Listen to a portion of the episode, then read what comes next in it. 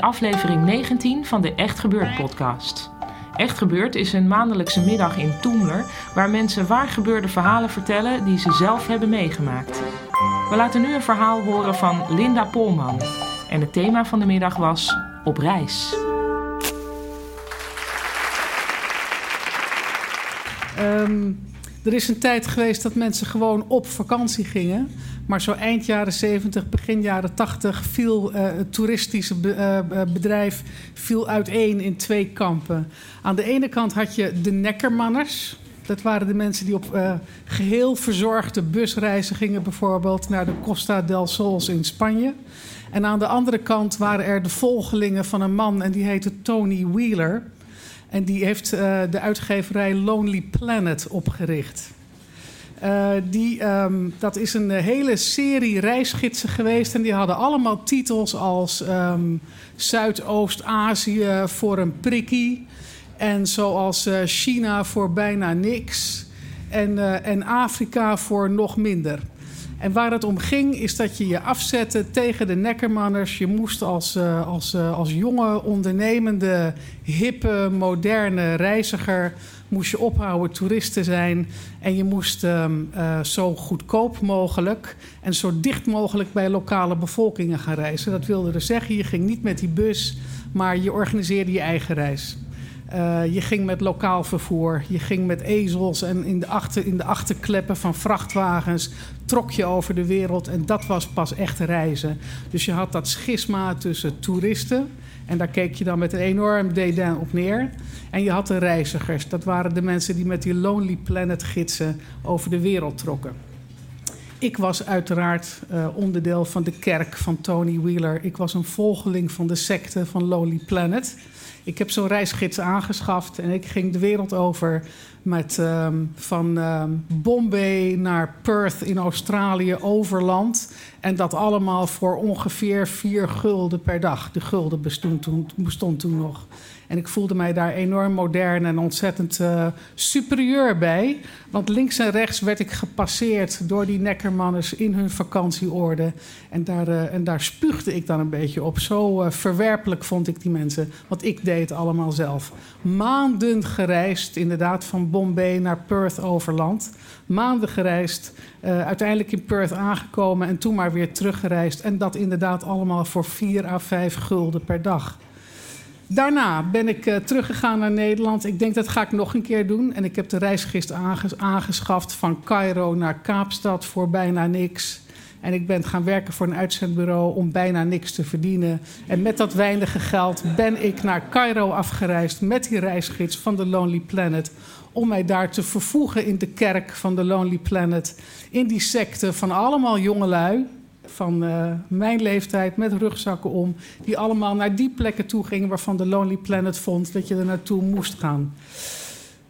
Waar het uiteindelijk op neerkwam, was inderdaad dat, dat, je het, uh, dat je de illusie moest creëren dat je heel dicht bij lokale bevolkingen aan het reizen was. Want je zat immers niet in die airconditioned bus, maar je deed het zelf. En je zat bij de lokale bevolking in bussen. En je zat bij ze in treinen. En je logeerde in hele goedkope hotelletjes. Dus je pompte geld in de lokale economieën. Kortom, dat was allemaal erg verantwoord.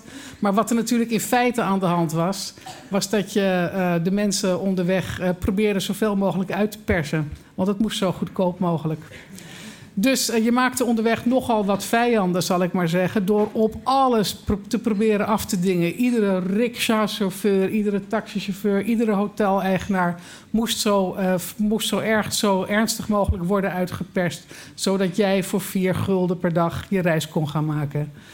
Ik ben met mijn reisgids uiteindelijk uh, al geheel verzuurd ben ik aangekomen in, uh, bij het meer van Malawi. Later heel erg beroemd geworden door Madonna. Die kwam daar kindertjes ophalen. Maar in die tijd wist alleen de Lonely Planet mensen wisten daarvan. Het meer van Malawi, dat was paradijselijk, dat was unspoiled. En het was er uiteraard natuurlijk vooral goedkoop. Dus ik kwam daar wapperend met mijn gids aan bij het meer van Malawi. En trof daar in plaats van uh, de idyllische unspoiled environment die mij was beloofd in de Lonely Planet gids, trof ik een dorp aan wat geheel in stress verkeerde. Dat dorpje dat heette Monkey Bay. Het was ook inderdaad een baai aan het, aan het meer van, uh, van, van Malawi. Ehm, een baai met een zandstrand. Uh, dat zag er idyllisch uit. Um, er stonden hutjes op dat, uh, op dat zandstrand van lokale vissersmensen. Um, en niettemin, ondanks al die idyllen, ondanks de zwaaiende palmbomen, waren mensen daar in de stress, omdat daar op een ochtend, ongeveer een week voordat ik daar aankwam, waren er vijf nijlpaarden dat baadje binnenkomen wandelen. Dat was zeer uitzonderlijk. Het meer van Malawi was, was wel vol met nijlpaarden. Um, maar uh, die zorgden er meestal wel voor dat ze wat verder van mensen vandaan bleven. Dus het was heel erg uitzonderlijk dat die nijlpaarden zo'n haventje binnenkwamen. Uh, met letterlijk op 20 meter afstand uh, die mensen en die hutjes van, van die mensen. Nou, die mensen waren helemaal onthand en hun hele leven werd verlamd. Want wat niet iedereen weet van nelpaarden is dat het onvoorstelbare etterbuilen zijn. Het zijn hele agressieve, nare, territoriale monsters. Um, ze zien er heel schattig uit, zo op het eerste gezicht. Hè. Het is gezellig rond en het heeft die hele kleine oortjes en dat gaat heen en weer. Um, en, het heeft, en het gezellig snorretje en een leuk koppie heeft het. Maar ondertussen, nou ja, ga maar even YouTube op. En je ziet hoe nijlpaarden krokodillen door midden bijten. Er staat ook een filmpje op van een nijlpaard dat de kop afrukt van een leeuw. Uh, en vooral uh, staan er heel erg veel aanbevelingen op het internet dat je vooral bij, uh, bij nijlpaarden vandaan moet blijven, omdat ze onvoorstelbaar agressief zijn. Als je ook maar in de buurt van hun territorium komt, of als je zelfs maar naar hun territorium kijkt, ze vallen aan. En als je wel eens een nijlpaard van dichtbij hebt gezien, zoals mij toen overkwam in, in Monkey Bay, waar ze op 20, 15 meter van het strandje af waren dan zie je heel lang niks van zo'n nijlpaard. Je ziet alleen zo'n heel klein stukje oor boven het water uitkomen. Dat houden ze zes minuten vol. Na zes minuten moet een nijlpaard omhoog komen. En dan zie je inderdaad die kop uit het water verrijzen. En dan gaat die muil open. Nou, ik zweer het, hè. Het is dus een muil van een meter als die open staat. En die slagtanden die daarin zitten zijn vergelijkbaar met de, met de slagtanden van een olifant. Ze zijn heel erg gevaarlijk, die beesten. Dus die mensen in dat haventje, die, uh, die zaten met die vijf nijlpaarden voor op hun stoep. En die nijlpaarden die lagen daar te proesten en die lagen daar de boel te verstoren. En dan, dan als zo'n kop weer boven kwam, dan zag je de moeders in dat dorpje, zag je opkijken. En je zag ze hun kindertjes van het strand grissen en alvast onder hun armen stoppen om te kunnen wegrennen als dat nodig zou zijn. Nijlpaarden zijn ook onvoorstelbaar snel. Ze rennen onder water en ze rennen ook over land. En ze halen maar liefst 40 kilometer per uur. Hè? Je legt het gewoon af tegen die beesten. Dus dat, dat haventje was helemaal onthand. Ik had er niet zoveel mee te maken, want mijn bestemming lag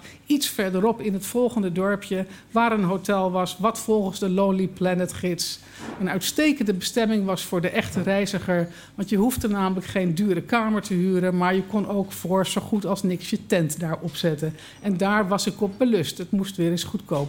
Dus ik naar dat hotel toe.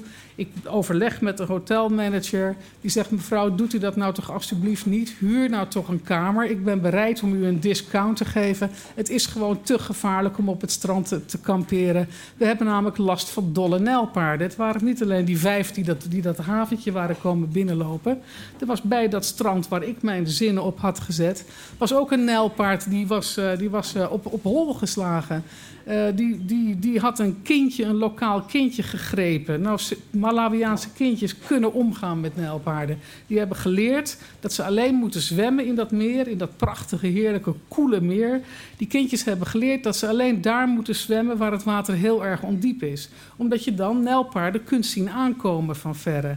Dan moet dat beest namelijk uit het water omhoog komen en naar dat strand toe lopen.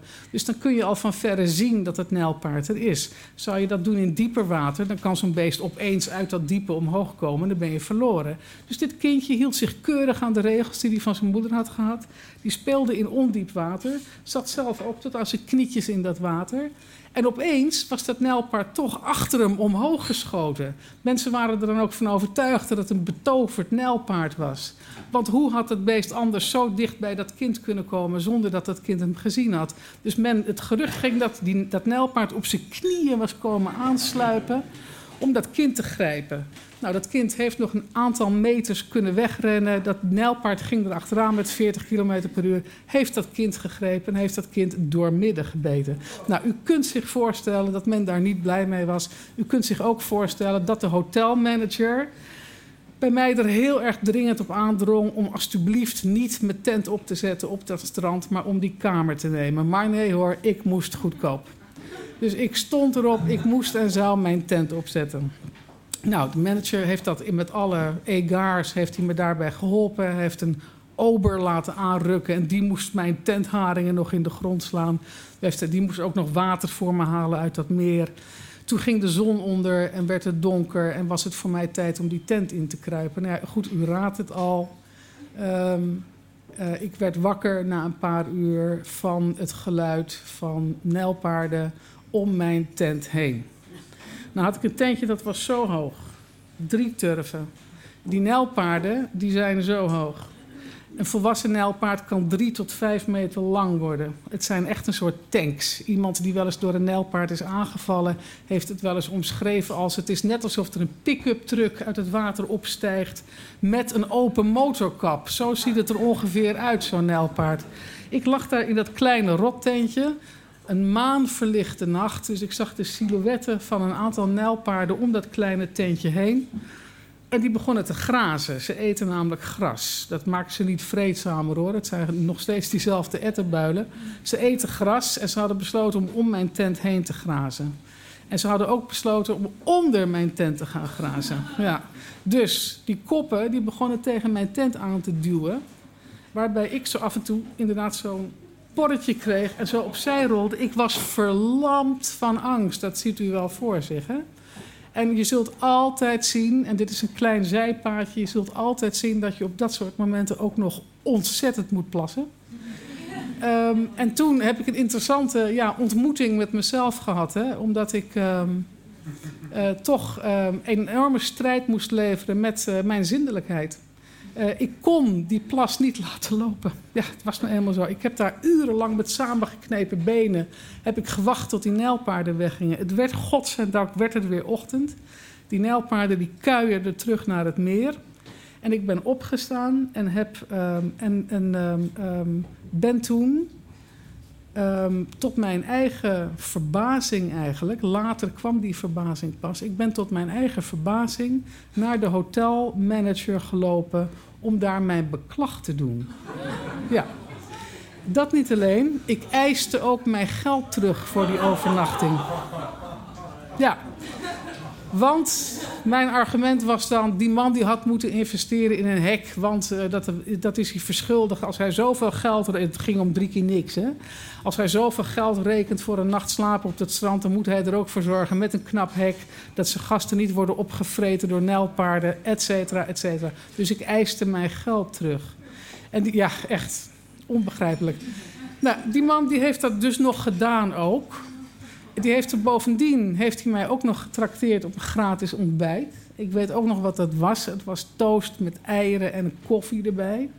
En ik was helemaal ingenomen met mezelf. Ik met mijn Lonely Planet gids. Ik was ook de heldin van al die andere Lonely Planet types die, op die, die in datzelfde hotel aan het logeren waren. Want het was mij immers gelukt om een hele nacht gratis onderdak te hebben. En ook nog een gratis ontbijt. En dat was toch wel het hoogste wat je kon bereiken als je wilde behoren tot de kerk van de Lonely Planet. Dus ik was een enorme heldin. Ik ben niet idioot lang daarna teruggegaan naar Nederland. En toen wilde ik met dezelfde poeha wilde ik dat verhaal gaan vertellen aan mensen thuis. Mensen die nog nooit een Lonely Planet gids gelezen hadden. Mensen die het ook uh, een, een, een absoluut wanidee vonden om naar Malawi te willen. En om daar in een tent tussen nijlpaarden te willen gaan liggen. En ik probeerde daar ook de heldin uit te hangen van... nou, ik heb toch maar mooi 75 cent uitgespaard en die hotelmanager een loer gedraaid. Ik kon mijn verhaal hier niet kwijt. Dus die mensen, ja, dus die mensen die hebben mij hier een soort spiegel voor gehouden. Met jij bent door die Lonely Planet ben jij verworden tot een soort. Nou ja, ja laten we het maar zeggen. Tot, je bent verworden tot een onmens. dus uh, ik, heb, uh, ik heb dat gelukkig wel ingezien. Dat ik uh, een minder plezierig mensensoort gewo ge ge geworden was en dat ik mij uh, min of meer plunderend door Azië en Afrika heb begeven. Door zelfs die arme rickshaw-chauffeur die zeven kindertjes moest, uh, te eten moest geven. En die maar een dubbeltje wilde voor die rit. Om daar even goed nog drie cent af te krabbelen. Um, diepe spijt. Um, de moraal van het verhaal is misschien, daar heb ik lang over nagedacht. De moraal van het verhaal is misschien dat ik toch een beetje ben afgestraft. Want die man die die Lonely Planet gidsen heeft opgestart, die Tony Wheeler, die is met zijn Lonely Planet uitgeverij, hoofdkantoren all over the world, in New York, in Perth, in Londen, in Parijs.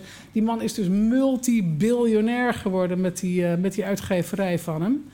Uh, en heeft natuurlijk zelfs, uh, zelf, sinds zijn allereerste reisgids, heeft hij nooit meer in een goedkoop hotel geslapen. Ik bedoel, die man die was echt stinkend rijk.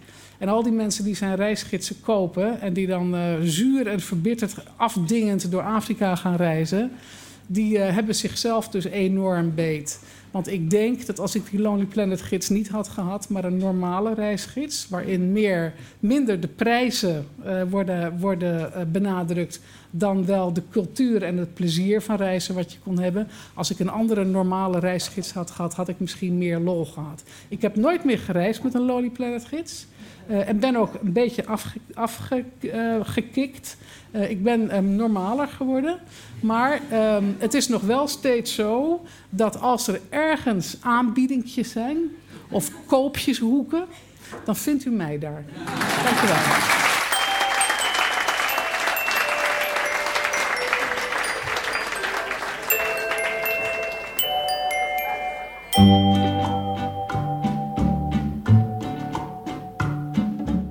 Was het verhaal van Linda Polman. Linda Polman is schrijfster. Ze heeft onder andere het boek geschreven De Crisiskaravaan. Heb je zelf een goed verhaal te vertellen of wil je er gewoon eens bij zijn als publiek? Kijk dan op www.echtgebeurtintoemler.nl. Dat is één lang woord zonder puntjes en Toemler schrijf je met twee O's. Er staan trouwens op diezelfde website uh, staat ook informatie over ons toertje. We gaan ook op andere plekken in het land echt gebeurd brengen. Onder andere in Groningen. Dus kijk daar op die website. Ook als je misschien zelf een keer een verhaal wil vertellen, want dat vinden we altijd heel erg leuk. Dus meld je aan. De redactie van Echt Gebeurd bestaat uit Miga Wertheim, Rosa van Dijk, Evelien Mol, Eva Maria Stijl en mijzelf, Paulien Cornelissen. De techniek is in handen van Vrijman en Vrijland. Bedankt voor het luisteren en bedenk dat geluid naast je bed zou wel eens een nijlpaard kunnen zijn. Tot de volgende podcast.